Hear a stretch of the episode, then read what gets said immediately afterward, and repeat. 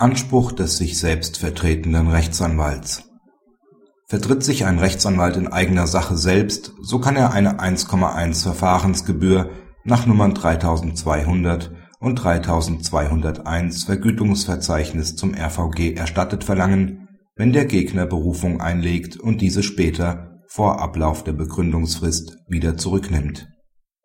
Der Anwalt hatte sich in eigener Sache selbst vertreten und war in erster Instanz erfolgreich der Beklagte hat daraufhin gegen das erstinstanzliche Urteil Berufung eingelegt und diese Berufung vor Ablauf der Begründungsfrist wieder zurückgenommen.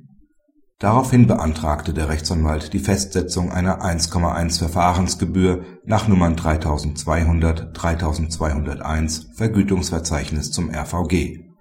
Das LG hat antragsgemäß festgesetzt, die hiergegen erhobene Beschwerde hatte keinen Erfolg das OLG führt aus, nach § 91 Absatz 2 Satz 3 ZPO könne ein Rechtsanwalt in eigener Sache die Gebühren eines bevollmächtigten Rechtsanwalts erstattet verlangen.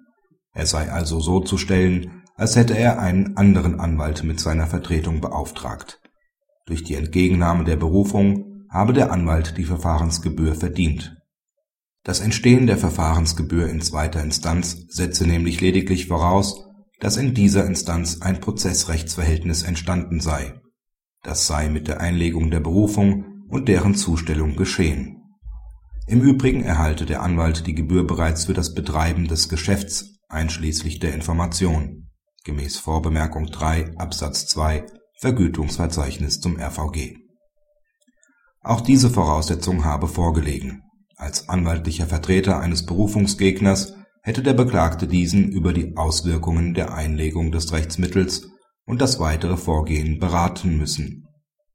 Die Erstberatung für den zweiten Rechtszug werde aus Sicht des Berufungsgegners nämlich schon mit der Zustellung der Berufungsschrift notwendig und löse eine Gebühr für den zweiten Rechtszug aus.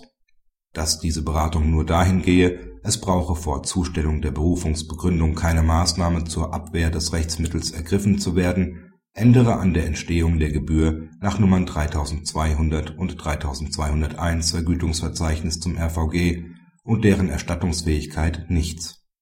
Übertragen auf den sich selbst vertretenden Rechtsanwalt bedeutet dies, dass sich der Beklagte in einer Art In-sich-Geschäft mit seinem weiteren Vorgehen in der Berufungsinstanz habe beschäftigen müssen, indem er sich gleichsam selbst das zweitinstanzliche Mandat übertrug und mit sich selbst zu Rate ging.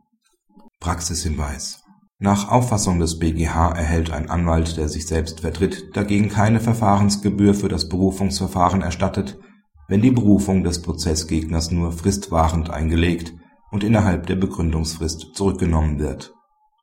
Bei einer nicht rechtskundigen Partei seien die Kosten eines beauftragten Anwalts in diesem Fall nur deshalb erstattungsfähig, weil sie in einer als risikobehaftet empfundenen Situation eine anwaltliche Vertretung für erforderlich halten dürfe ein Anwalt, der sich selbst vertrete, empfinde diese Situation aber nicht in gleicher Weise als risikobehaftet und bedürfe keines Rates. Es bestehe kein Anlass dafür, Information und Beratung zu fingieren. Es dürfte zwar zutreffend sein, dass ein Anwalt in eigener Sache rechtskundig genug ist, zu wissen, was er tut, er muss sich aber auch insoweit selbst vertreten, indem er nämlich selbst mit sich zu Rate geht, was zu veranlassen ist mit einem bloßen Abwarten ist es nicht immer getan. Auch der sich selbst vertretende Rechtsanwalt muss über weitere Maßnahmen, also rechtzeitige Sicherung von Beweismitteln, Anschlussrechtsmittel etc. nachdenken. Auch dies verursacht für ihn Arbeit und Aufwand.